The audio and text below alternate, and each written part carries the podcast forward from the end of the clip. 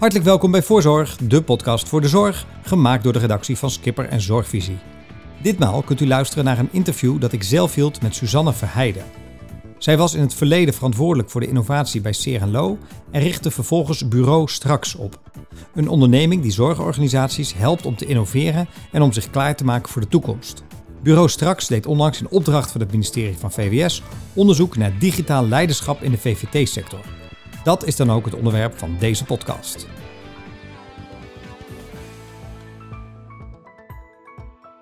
Laten we beginnen bij het eh, begin. Uh, digitaal leiderschap, wat versta je er nou eigenlijk precies onder?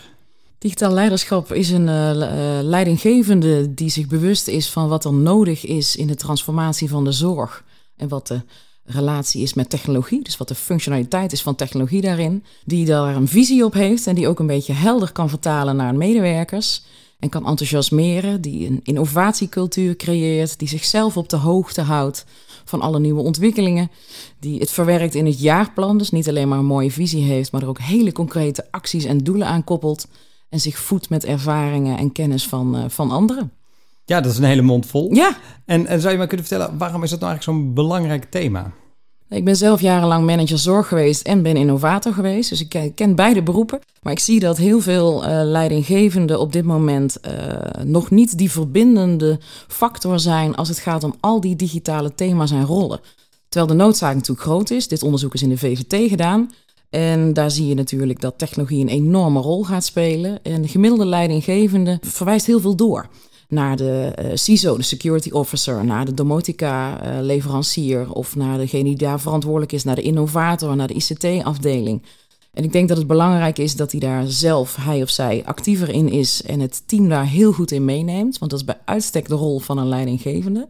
Dus dat is uh, wat we in de praktijk zien wat beter kan. Maar uh, aan de andere kant, de urgentie in de VVT is gigantisch. Arbeidsmarkttekort, vacatures, het verzuim is torenhoog en de implementatie van technologie gaat moeizaam. Ja. Dus daar zou de leidinggevende een rol in kunnen spelen. Ja, maar tegelijkertijd schets je ook al een hele hoop problemen die al dagelijks in de weg staan. Ja. En waar je als leidinggevende ook mee te kampen hebt en mee ja. te dealen hebt. Ik kan me best voorstellen als je al moeite hebt om de roosters rond te krijgen dat je weinig tijd overhoudt om ook uh, aan dat digitaal leiderschap uh, te doen. Hoe verhouden die twee zich tot elkaar? Hè? De, de, dagelijkse gang van zaken en toch meer de lange termijn van de digitale omslag die ze moeten maken? Ja, die botsten keihard. Dus ik snap ook heel goed dat dat een dilemma is. Eh, toch vind ik dat het prioriteit moet krijgen. Maar ik snap heel goed dat als je tot over je oren in het verzuim en het tekort zit dat het heel verleidelijk is om heel erg na te denken over de actuele problematiek in plaats van over de lange termijn strategie. Maar dat is wel nodig om de problemen in de ouderenzorg te tackelen. Ja, maar hoe kunnen ze daar dan ruimte voor, voor creëren? Ze kunnen moeilijk zeggen, de andere problemen negeren we maar even, want we zijn met uh, innoveren bezig. Ja, dat is altijd een leuk dilemma, hè, tijd. En wat mij betreft heeft dat ook vaak te maken met prioriteit. Uh, alle leidinggevenden hebben het druk. En toch zijn er leidinggevenden die het lukt om zich te verdiepen in nieuwe ontwikkelingen, om artikelen te lezen, om hun uh, het uh, op de agenda te zetten van hun teamoverleg. Dus wat mij betreft heeft het te maken met prioritering. En heeft het te maken ook met het zelf basisvaardig zijn. Want als je zelf digitaal vaardig bent, dan neem je die andere kennis ook veel gemakkelijker op. En kun je er ook veel gemakkelijker leiding aan geven. Ja, je bent natuurlijk veel bezig met innovatie en digitalisering van uh, verschillende zorgsectoren, ook de VVT. Plus je hebt natuurlijk dit onderzoek nu uitgevoerd. Uh, hoe schets jij in zijn algemeenheid de gemiddelde digitale vaardigheid van de zorgbestuurder in Nederland? Uh, en hoef je niet uh, politiek of sympathiek Nee, nee. Zijn, oh nee, dat krijg je meestal ook niet bij mij. Maar ik moet lachen omdat ik al jaren ervoor aan het pleiten ben... dat het op alle functieniveaus omhoog gaat. Dus op dat van de bestuurder, de leidinggevende... maar ook op dat van de medewerker. En daar hebben we ook onderzoek naar gedaan. Veel bestuurders geven zelf wel toe hè, dat ze niet zo digivaardig uh, zijn. Uh, en die hebben een enorm goed hulpmiddel en dat heet de directiesecretaresse of de bestuurssecretaresse. Dus ik denk dat daar winst te behalen is, maar ook bij, uh, bij leidinggevenden die nog met een papieren agenda werken of nou ja, de, de, nieuwste technologieën niet kennen en daardoor ook het lastig kunnen uitleggen naar hun medewerkers. Dus op alle fronten is er wat mij betreft werk aan de winkel, maar het goede nieuws is dat er wel een enorm veel meer aandacht is gekomen de afgelopen jaren voor dit thema. En hoe komt dat? Uh, in 2018 uh, is op uh, initiatief van VWS in samenwerking met Cerelo destijds en ECP de coalitie Digivaardig in de Zorg gestart. En dat is een landelijke stichting waar ik ook als programmamanager aan verbonden ben. En daar zijn we eigenlijk al vier, vijf jaar keihard aan het werken om dit thema onder de aandacht te brengen bij bestuurders. Maar ook um, digicoaches op te leiden om medewerkers op de werkvloer digitaal vaardiger te maken. En hebben we eigenlijk in bijna alle sectoren inmiddels ook onderzoek gedaan naar hoe het gesteld is met die digitale vaardigheden. Ja, en hoe is het daarmee gesteld? dat is eigenlijk uh, mijn vraag. Ja, um, uh, in de ouderenzorg zie je dat uh, bijvoorbeeld 16% van de medewerkers zichzelf beoordeelt als digitale starter aan de hand van een vragenlijst. En dat zelfs dat 27% is bij de 55-plusser. Maar dat zie je ook in de huisartsenzorg met vergelijkbare cijfers. En in de GGZ en de gehandicaptenzorg en de ziekenhuizen zit het allemaal rond de 10%. Maar is dat ingevuld aan de hand van een digitale vragenlijst en kun je je afvragen en zelfinschatting of het probleem niet veel groter is. En dat zien we ook in de praktijk. Dus ik denk dat we safe zitten als we zeggen dat één op de vijf medewerkers gemiddeld heel veel moeite heeft met digitale vaardigheden. Ja, en lopen de leidinggevenden daar uh, op voor of lopen die juist nog een beetje achter? Het zijn ook maar mensen, dus ik denk dat de percentages aardig gelijk zijn. We zien wel dat hoe hoger het opleidingsniveau en hoe lager de leeftijd, hoe minder problemen mensen hebben. Dus het probleem is bij de leidinggevende iets kleiner dan bij de zorgprofessional. Is het dan ook een probleem dat zichzelf deels gaat oplossen, omdat er nieuwe, jongere uh, zorgprofessionals naar die leidinggevende functies doorstromen, die misschien al wat meer digitale bagage hebben en daardoor al meer die rol kunnen pakken? Ja, was het maar waar. Ik zie wel dat heel veel jongeren meer tech-minded zijn. Dus dat uh, gaat zeker goed komen. Maar als het gaat om digitaal vaardig zijn, komen jongeren op dit moment niet digitaal vaardig genoeg van school af. Daar zijn we over in gesprek met uh, het ministerie van Onderwijs, maar ook met de MBO-raad bijvoorbeeld. Je ziet dat mensen nog veel uitdagingen hebben als ze het zorgonderwijs verlaten. En dat betekent dat je als zorgorganisatie steeds met terugwerkende kracht uitdagingen moet tackelen. En daar moeten we vanaf. Dus nee, op dit moment uh, is dat nog niet voldoende, maar ze pikken het veel sneller op en zijn veel meer gewend om technologie in hun eigen leven vorm te geven. Dus daar ben ik wel hoopvol in. Ja, oké. Dus uh, er gloort wel, uh, wel hoop aan, de, aan de toekomst. Wat je zei net al, hè, de, het gevoel van urgentie is er inmiddels eigenlijk al wel. Ja, de vaardigheden gaan dus ook, gaan dus ook omhoog. Ja. En wat ik me afvroeg, je bent natuurlijk niet alleen met dit onderzoek bezig, maar je bent ook heel veel in contact met organisaties binnen de zorg die digitalisering en dan uh, digitaal leiderschap willen werken. Hebben dingen uit dit onderzoek jou nog verbaasd eigenlijk? Springen er dingen uit voor jou? Wat ik wel echt heb meegenomen na de interviews is dat er niet alleen maar aandacht moet zijn voor de belastbaarheid en vitaliteit van onze zorgprofessionals, maar ook voor die van de leidinggevende. Dat was voor mij wel echt nieuw. Uh, uh, ja, het is heel logisch als je erover nadenkt, maar ik heb er nooit, of nou misschien te weinig bij stilgestaan dat door die aandacht voor het rooster en de enorme aandacht die dat, op, eh, die dat vraagt van leidinggevenden, zij zelf ook niet toekomen aan alle portefeuilles waar ze mee bezig willen zijn, maar ook zelf hoger verzuim hebben. Uh, uh, dus daar zitten veel meer uitdagingen dan ik in eerste instantie gedacht had. Dus dat heeft me met name verrast als het gaat om wat zijn de succesfactoren en waar zitten de grootste knelpunten? Denk ik dat de meeste dingen overeenkomen in wat we ook in trainingen merken of wat ik bij implementatietrajecten bij zorgorganisaties gewoon zie gebeuren. Uh, zullen we een paar van die knelpunten doornemen? Wat is naar jouw idee en ervaring nou het, het grootste knelpunt binnen organisaties die deze beweging willen maken? Ik denk dat het begint uh, en dus ook vaak misgaat bij een uh, inspirerende, duidelijke visie. Als je aan zorgmanagers vraagt: hebben jullie een visie op digitalisering?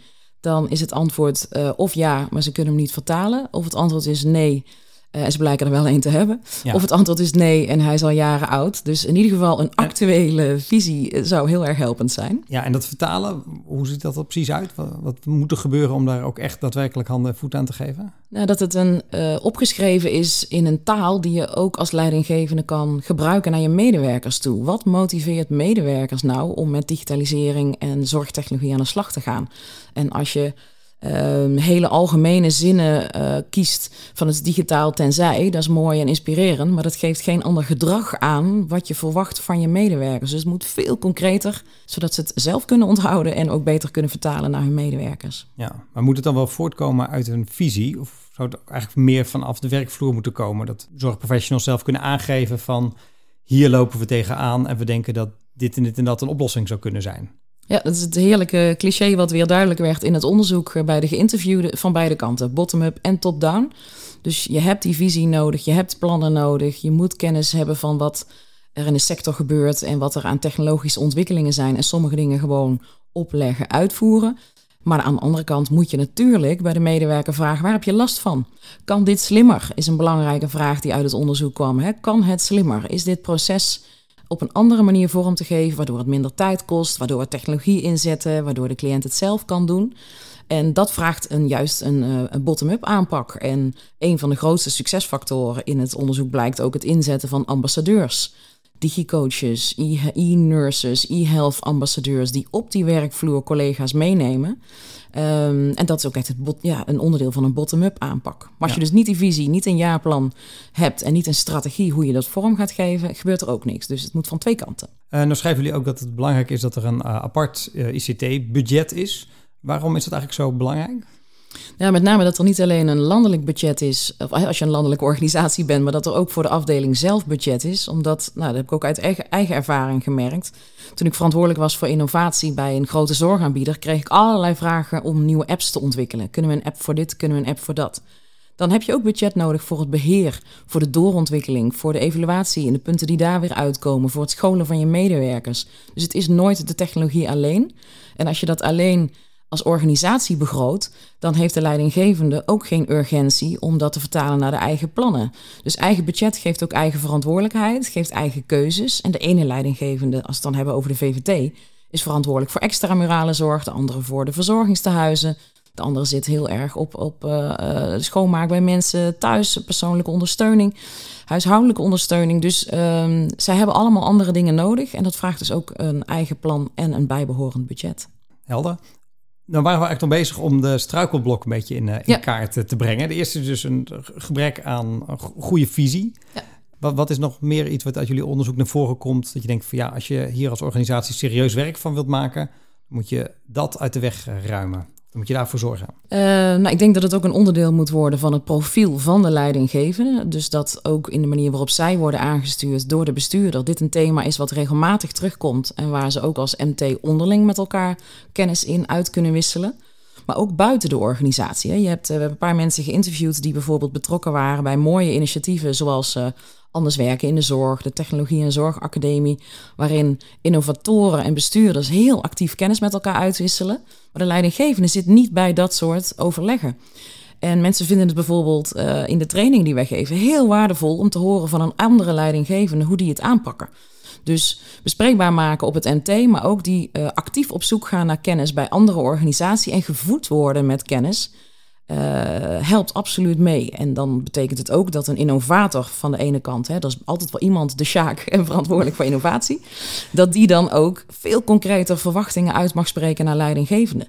Dus dat er ook gezegd wordt, we gaan nu aan de slag met deze technologie. Ik verwacht van jou dat je dit uh, doet, dat je die medewerkers uitroostert in die week. Past dat? Dus dat je die afstemming doet. En nu neemt de innovator vaak heel veel taken over vanuit de gedachte... dat zal de leidinggevende wel niet oppakken. Die heeft daar geen tijd voor. Maar dan ga je, blijf je om elkaar heen draaien. En die innovator kan ook niet weten wat elk team afzonderlijk nodig heeft. Dus, en andersom mag de leidinggevende daar zelf natuurlijk ook initiatieven innemen en vragen... Ja. hoe kan ik helpen om dit zo succesvol mogelijk te laten verlopen binnen mijn team? Ja, en gebeurt dat genoeg? Of hebben een hoop leidinggevenden misschien door gebrek aan eigen digitale vaardigheden ook wel eens de neiging om te denken, nou, ik brand mijn vingers er niet aan. En we hebben daar één iemand die er heel enthousiast over is. Succes, ik ga maar met andere dingen bezighouden. Zelfs de meest innovatieve bestuurders die we gesproken hebben in het onderzoek gaven uh, schoorvoetend aan dat er in hun MT nog wel verbeteringen liggen op dat gebied. Dat niet iedereen even digi- en tech-minded is. En dat bleken ook belangrijke vaardigheden te zijn voor de manager van nu en van de toekomst. Dat is lef, ondernemerschap, kennis van verandermanagement en zelf digitaal vaardig zijn. Ja, en zijn dat nou eigenschappen die uh, ruim bedeeld zijn in de zorgsector? Of, uh... Die steeds ruim bedeelder zijn, laat okay, ik het positief mooie... formuleren. Ja. een mooie positieve uh, draai. nou benoem je zelf al die belangrijke rol van die voortrekkers, hè, die innovators ja. of die ambassadeurs of hoe je, het maar, hoe je het maar noemen wilt. Hoe kom je daar nou aan als organisatie? Die drijven vanzelf naar boven. En als ze niet komen, kun ze gaan werven. Maar je ziet heel vaak dat er uh, mensen zijn met meer hart voor technologie of meer hart voor applicaties. Er is een verschil tussen die twee functies. Hè. Een digicoach uh, is iemand die echt collega's helpt met het ECD, met applicaties, met veilige wachtwoorden, met social media. En de iNurse of de ambassadeur zorgtechnologie is wat meer de tussenfunctie tussen de innovator en het zorgteam en helpt echt bij de introductie van e-health in het team met zowel cliënten als uh, medewerkers. En vaak zijn er altijd wel mensen die daar meer enthousiast over zijn. Alleen ze moeten er ook de uren voor krijgen. En dat is nu ook een groot dilemma. Ze moeten de uren krijgen en houden om hiermee aan de slag te gaan. Want veel mensen krijgen wel uren in het rooster om dit te gaan doen. Maar als er arbeidsmarkt tekort is, is dat het eerste natuurlijk waar aan gesnoept wordt. En dat, dat is ook wat ik bedoel met prioriteit. Waarom lukt het de ene leidinggevende wel om te zeggen: Ik speel jou vrij, want ik vind dit zo belangrijk. En de ander uh, uh, zegt: We hebben je keihard nodig. We, je moet weer terug in de zorg. Dat heeft allemaal te maken ook met dat korte termijn en lange termijn perspectief. Wat ik overigens heel goed snap, dat het een knetter ingewikkelde uitdaging is. Maar je ziet dus ook wel veel verschillen tussen uh, organisaties ja. onderling. Zeker. Hoe, hoe, denk je dat die op de lange termijn gaan uitpakken? Want ik kan me voorstellen dat je constateert dat er ook organisaties zijn die toch elke keer de korte termijn prioriteit geven, dat die toch uiteindelijk zichzelf in de voet schieten en ergens vast gaan lopen. Zie je dat ook aankomen? Ja, ik denk dat die echt een, uh, een probleem krijgen. Uh, sterker nog, waarschijnlijk al hebben. Uh, als ik kijk naar een aantal koplopers die we gesproken hebben, zoals, uh, uh, nou, mag merken, namen, rugnummers ja, noemen we, maar bijvoorbeeld Sensieren, Omring, Tante Louise, zijn als het gaat om de VVT wel specifieke koplopers die echt al vroeg aan digitalisering zijn begonnen. Die hebben dat ook geborgd in veel meer processen. Die zijn al veel meer stappen verder, maar zeggen ook: wat geen budget, hier moet je budget voor maken. Dit is een van de belangrijkste prioriteiten voor de toekomst. En nou is het wel zo dat veel bestuurders aangaven dat dat natuurlijk voor een iets grotere organisatie makkelijker is om geld voor te reserveren dan een hele kleine organisatie.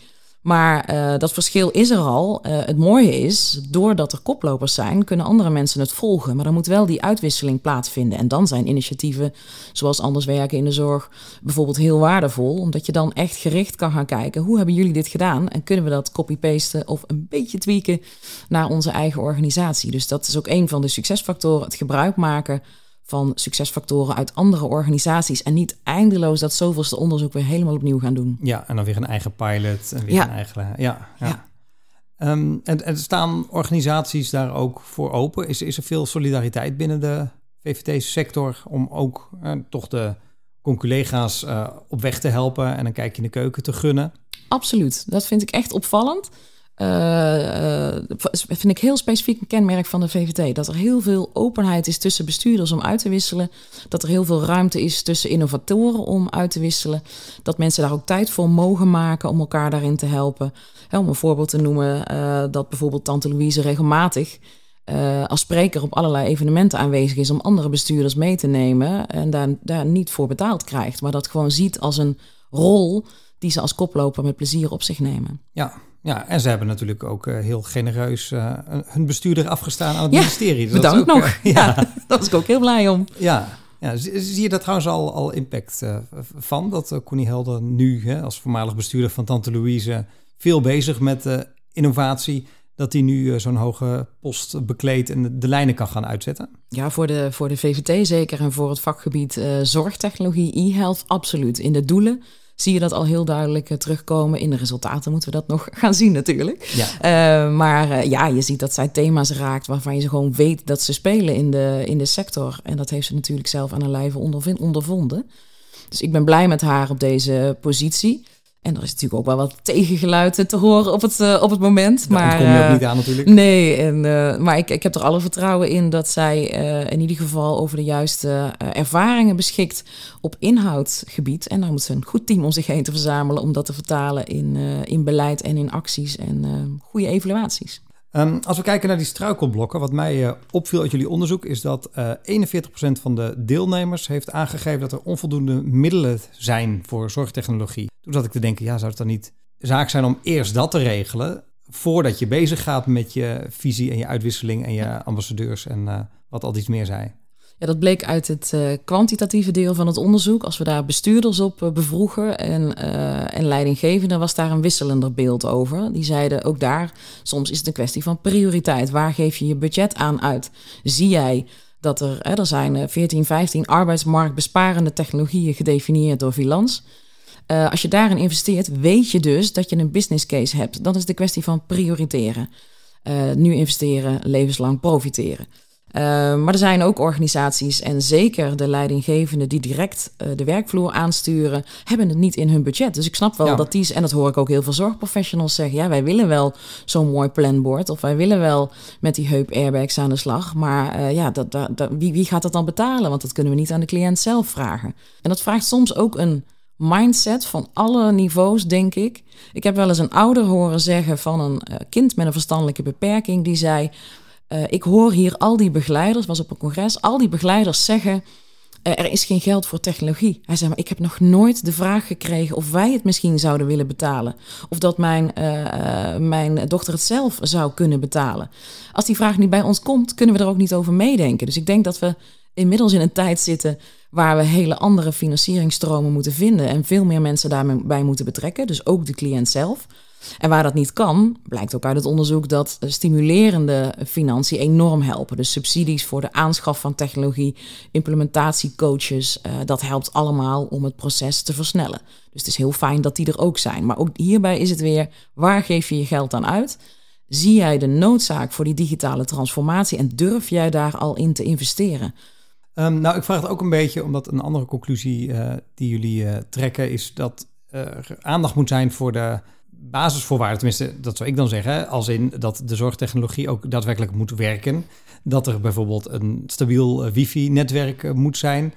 Dat soort, uh, dat soort dingen. En dan heb ik toch wel de neiging om een diepe zucht te slaken en te denken, ja, dat zijn toch wel echt de, ja, dat is toch echt het fundament waar je op moet, moet bouwen. En als ja. je dat nog in een rapport moet zetten van, hé hey jongens, daar moeten we wel voor zorgen. Um, ja, moet je dan niet eerst een stap terug doen voor je uh, ja, visies gaat ontwikkelen en, en kennis gaat uitwisselen? Want ja. anders dan, ja, dan bouw, je, bouw je op drijfstand, zou ik zeggen. Of ben ik dan te kort door de bocht? Nee, ik uh, helemaal met je eens. Ik, uh, toen ik vier jaar geleden voor het eerst actief werd in de, in de VVT-sector, schrok ik me kapot van uh, dit soort problemen. Dacht ik nee, dat kan toch niet? Dat je niet met drie mensen tegelijk kan beeldbellen, want dan klapt de wifi eruit. Of als je een meter buiten een gebouw bent, doet de domotica-melding het niet meer. Dus als je oversteekt van het ene naar het andere gebouw, doet het er niet meer. Of de interoperabiliteit, systemen die niet met elkaar communiceren, dubbele registratie, wifi die om de haverklap uitvalt, waardoor mensen niet in het ECD kunnen kijken. Dus uh, uh, nou, daar schrok ik toen al van. En dan denk je, ik kan niet meer schrikken. En tijdens het onderzoek schrokken we weer. Ik denk Want? dat er, nou, er zijn maar twee bestuurders volgens mij die aangegeven hebben dat ze het inmiddels aardig op orde hadden. Na nou, heel veel investering, heel veel tijd en ja. prioritering. En even voor de duidelijkheid van de hoeveel? Uh, we hebben 27 mensen gesproken uh, van ongeveer 23 verschillende organisaties. Ja, dus daarvan zeggen de 25 eigenlijk zijn dat soort basisvoorwaarden ja. bij ons helemaal niet op orde. Nee, en, en, soms scheelt dat per locatie. Hè. Je ziet wel dat het allemaal op de agenda staat. Dat is ook een van onze adviezen van... Uh, uh, je kan beter inderdaad eerst investeren in achterstallig onderhoud. Want als die basis niet op orde is... krijg je namelijk ook je medewerkers niet mee. Hoe maak je iemand enthousiast voor het werken met een zorgrobot... of een virtual reality bril of een product... Als je elke keer, uh, als je iets digitaals wil doen zonder wifi zit en vloekend en stuchtend, ja. zuchtend en steunend achter de computer zit, dan zeggen ze, zie je wel, op technologie kun je niet vertrouwen. Ja. Dus het moet absoluut geprioriteerd worden en liever daar je geld eerst in investeren. Maar dat kan niet meer dat je dat eerst gaat doen en ondertussen geen visie hebt en niks met technologie doet. Dus het, het een wil niet zeggen dat het ander moet stoppen. Maar als het gaat om prioriteren, zou, ik, ja, zou daar een hele grote prio mogen liggen. En, en denk je dat dat op korte termijn is weggewerkt? Laten we zeggen dat jullie uh, over een jaar of over twee jaar diezelfde bestuurders nog eens zouden vragen. Hoeveel van de 27 zouden dan naar je inschatting oh, ja, dat op absoluut. orde hebben? Ja, hoor, er is veel meer aandacht voor. Ik zie dat het bij, uh, bij de meeste mensen wel in de plannen staat. Uh, dus ik verwacht dat er over twee jaar een aanzienlijke groei heeft, uh, heeft plaatsgevonden. Er heeft ook al een enorme inhaalrace plaatsgevonden. heel veel organisaties zijn daar dus ook actief mee bezig geweest. Maar bij de heleboel staat het ook op prio nummer één. Gelukkig. Ja, Oké, okay. gelukkig maar. Ja. en als we kijken naar de producten, de betrouwbaarheid, maar ook de gebruiksvriendelijkheid daarvan. En in hoeverre die nou echt aansluiten bij de uh, praktijk op de werkvloer. Um, dat is toch wel een klacht die ik tenminste regelmatig uh, opvang. Van ja, leuk bedacht, maar bij ons werkt het op deze manier niet. Is dat iets waar je ontwikkeling in ziet? Daar zit zeker ontwikkeling in. Ik, ik herken de uitdaging. ik kreeg zelf heel vaak van leveranciers via LinkedIn een berichtje van wij hebben dit en dat fantastische product voor jullie. En mijn standaardreactie werd op een gegeven moment welk cliëntprobleem lost dat op? Of welk medewerkersprobleem lost ja, dat op? Het bekende verhaal van uh, we hebben een fantastische oplossing en nu nog een probleem erbij. Ja, precies. Ja. Nou, en ik zie dat er dus nu dat er veel meer gedacht wordt vanuit waar zitten de grootste knelpunten. Uh, en dat er minder, uh, dat die gadgetcultuur aan het afnemen is. Hè? Gadgetcultuur, dus dat mensen gaan investeren in robotkatten. Ik heb ooit de vraag gekregen: ik heb 20.000 euro over in mijn budget. Hoeveel robotkatten kan ik daarvoor kopen? En mijn, vraag was, wat, welk doel van de cliënt of welk probleem wil je oplossen met die robotkatten? Dat is veel minder. Dus je ziet wel uh, dat er meer aandacht is voor technologie die ook echt bijdraagt aan meer kwaliteit, meer zelf, uh, zelfredzaamheid, meer welzijn voor cliënten of meer tijd voor medewerkers. En die gadgets kunnen natuurlijk wel een rol hebben om mensen te laten wennen aan technologie. Maar nog steeds wordt er technologie ingezet omdat ze dat bij de buren ook doen. Eh, waar het probleem in de eigen organisatie helemaal niet zo groot blijkt te zijn. Of cliënten er helemaal niet op zitten te wachten. Dus en dat, we hadden het net over niet onnodig piloten en het onderzoek opnieuw doen. Soms is het wel nodig, omdat er echt een andere cultuur is.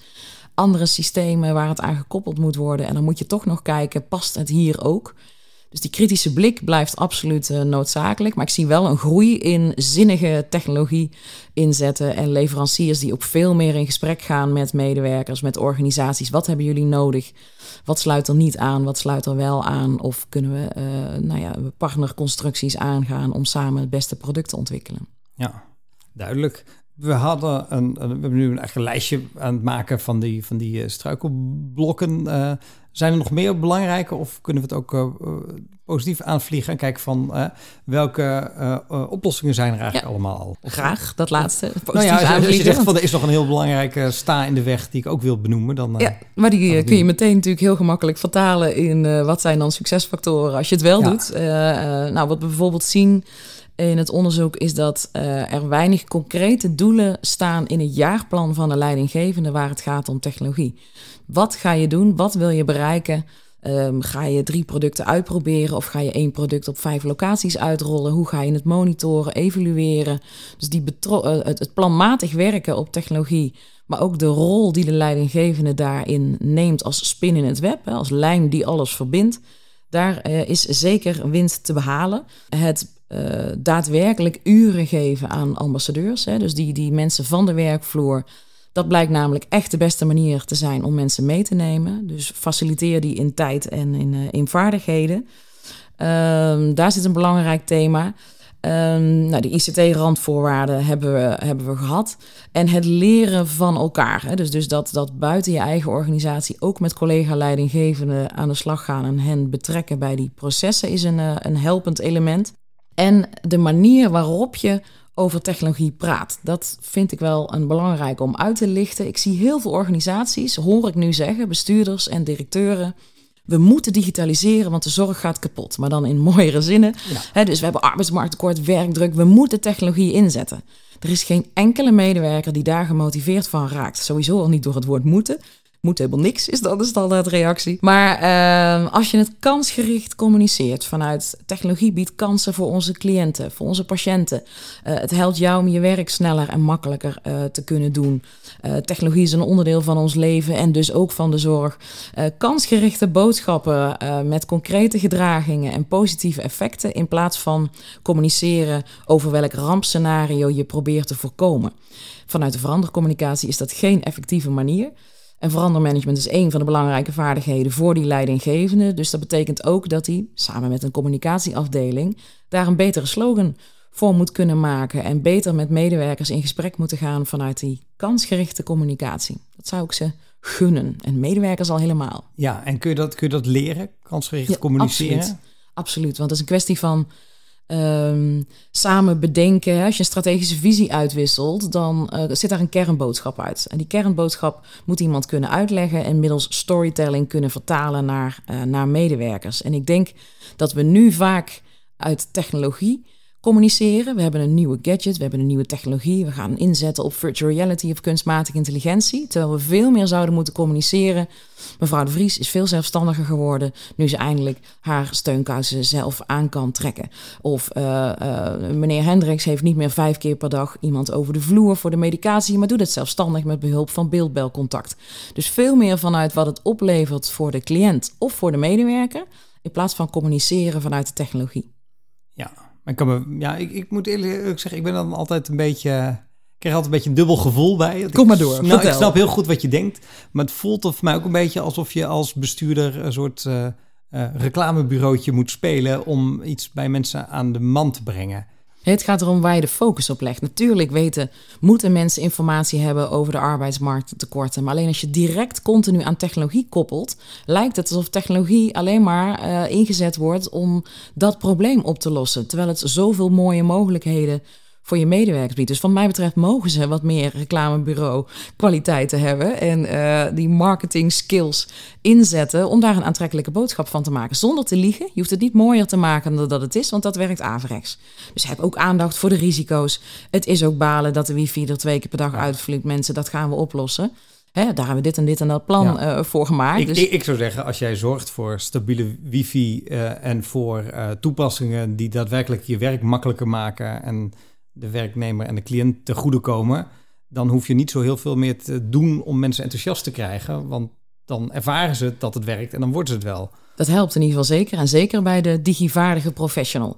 Uh, we hebben samen met Filans vier type technologiegebruikers gedefinieerd. En de uh, analoge idealist en de aarzelende technologiegebruikers. Dat zijn de twee types die het meest moeite hebben met digitalisering die hebben meer nodig dan werkzame technologie en uh, stabiele wifi.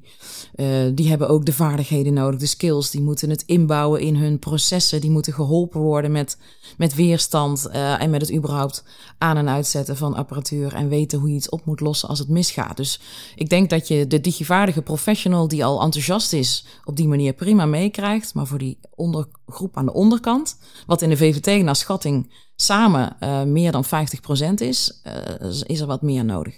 Als je voor mij nou de ideale digitale leider zou moeten schetsen, hoe, hoe ziet die eruit? De ideale leidinggevende prioriteert dit in ieder geval, heeft aandacht voor de portefeuille, Zorg dat hij op de hoogte blijft van de ontwikkelingen die er spelen.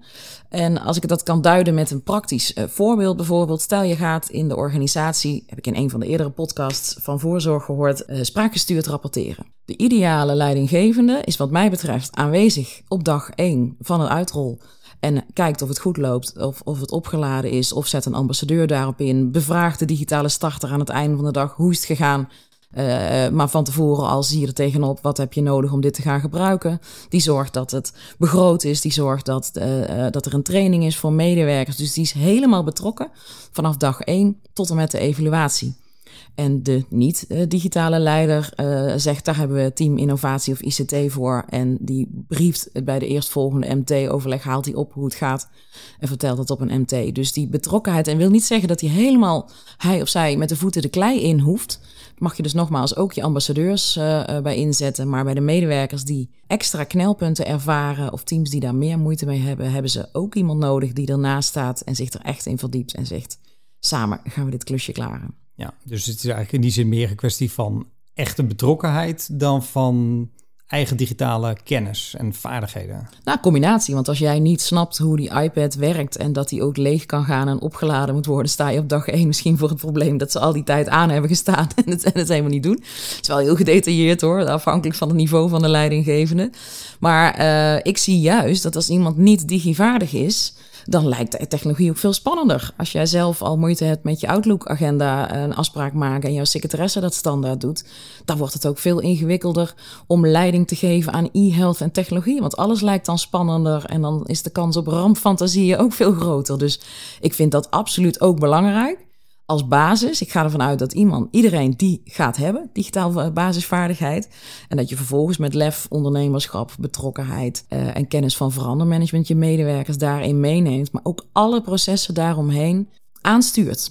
Dus dat het veilig gebeurt samen met de security officer. Dat de data niet verspild raakt eh, door uh, met de dataspecialist aan de slag te gaan. Met collega-leiding geven. Of voorwaarde dat je die allemaal hebt natuurlijk binnen je organisatie. Ja, ja. of dat je die kennis inzet vanuit andere clubs. Hè? Want daarom is die samenwerking tussen organisaties ook zo belangrijk. Als die bereidheid er is om kennis uit te wisselen, moet je hem ook benutten. Uh, je noemde net al als positieve eigenschap eigenlijk van de VVT-sector. de, de, enorme bereidwilligheid om elkaar te helpen en de, de, de samenhorigheid. Hoe doet de VVT het ten opzichte van andere zorgsectoren het uh, op dit vlak, naar jouw ervaring?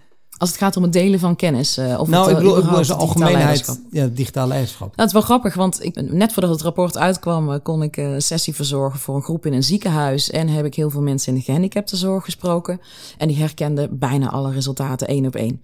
Dus ik denk dat uh, dit rapport behoorlijk representatief is voor leidinggevenden in andere sectoren. En dat zie ik ook in mijn eigen werk. Ik zie wel dat de VVT uh, al veel meer aandacht heeft voor bijvoorbeeld thema's als digitale vaardigheden.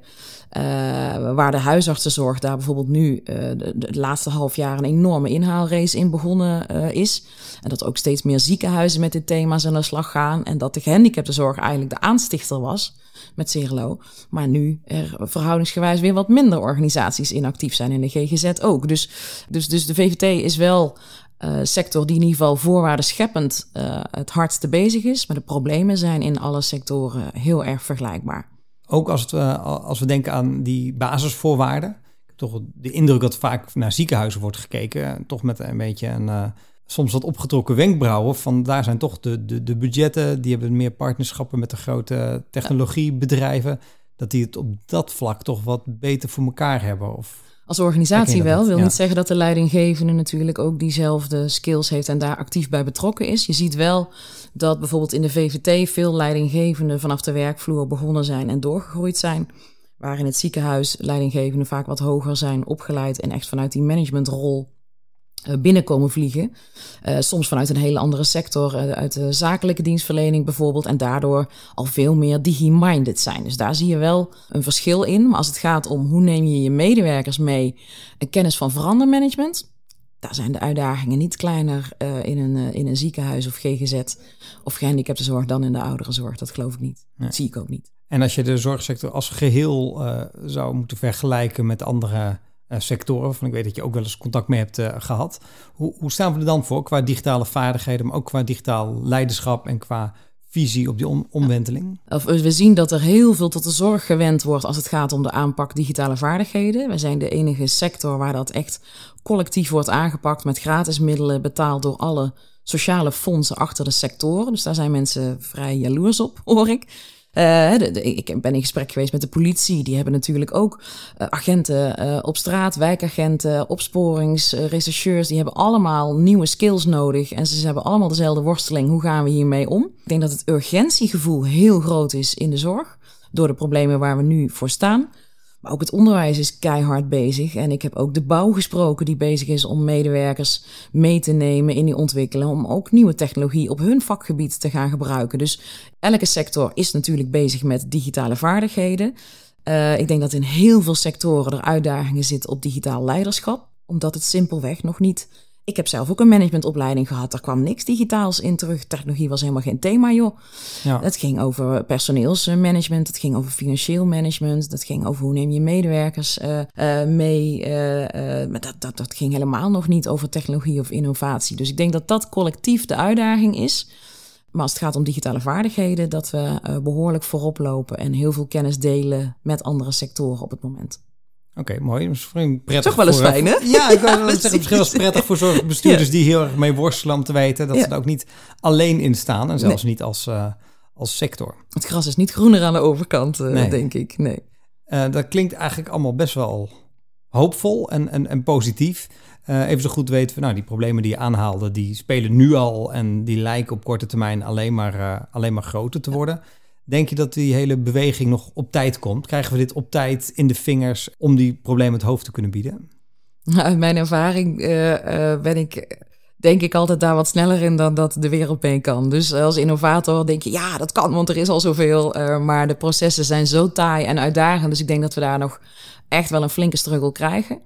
Uh, en ook niet alleen moeten rekenen op technologie daarin. Dus er is veel meer nodig dan dat. Kijk, wij hebben nu dit stuk onderzocht. Ja. Maar je moet ook kijken naar een nieuwe manier van bouwen. Je moet kijken naar, de, naar preventie, naar de rol van de burger. Wat, hoe kunnen die anders naar gezondheid kijken? Of nu al hun mantelzorg voor de toekomst te regelen door andere initiatieven. Dus het zal nooit alleen met technologie gerealiseerd kunnen worden. Maar, maar, maar, dat hoofdstuk, krijgen we dat op tijd rond, zal ik maar zeggen?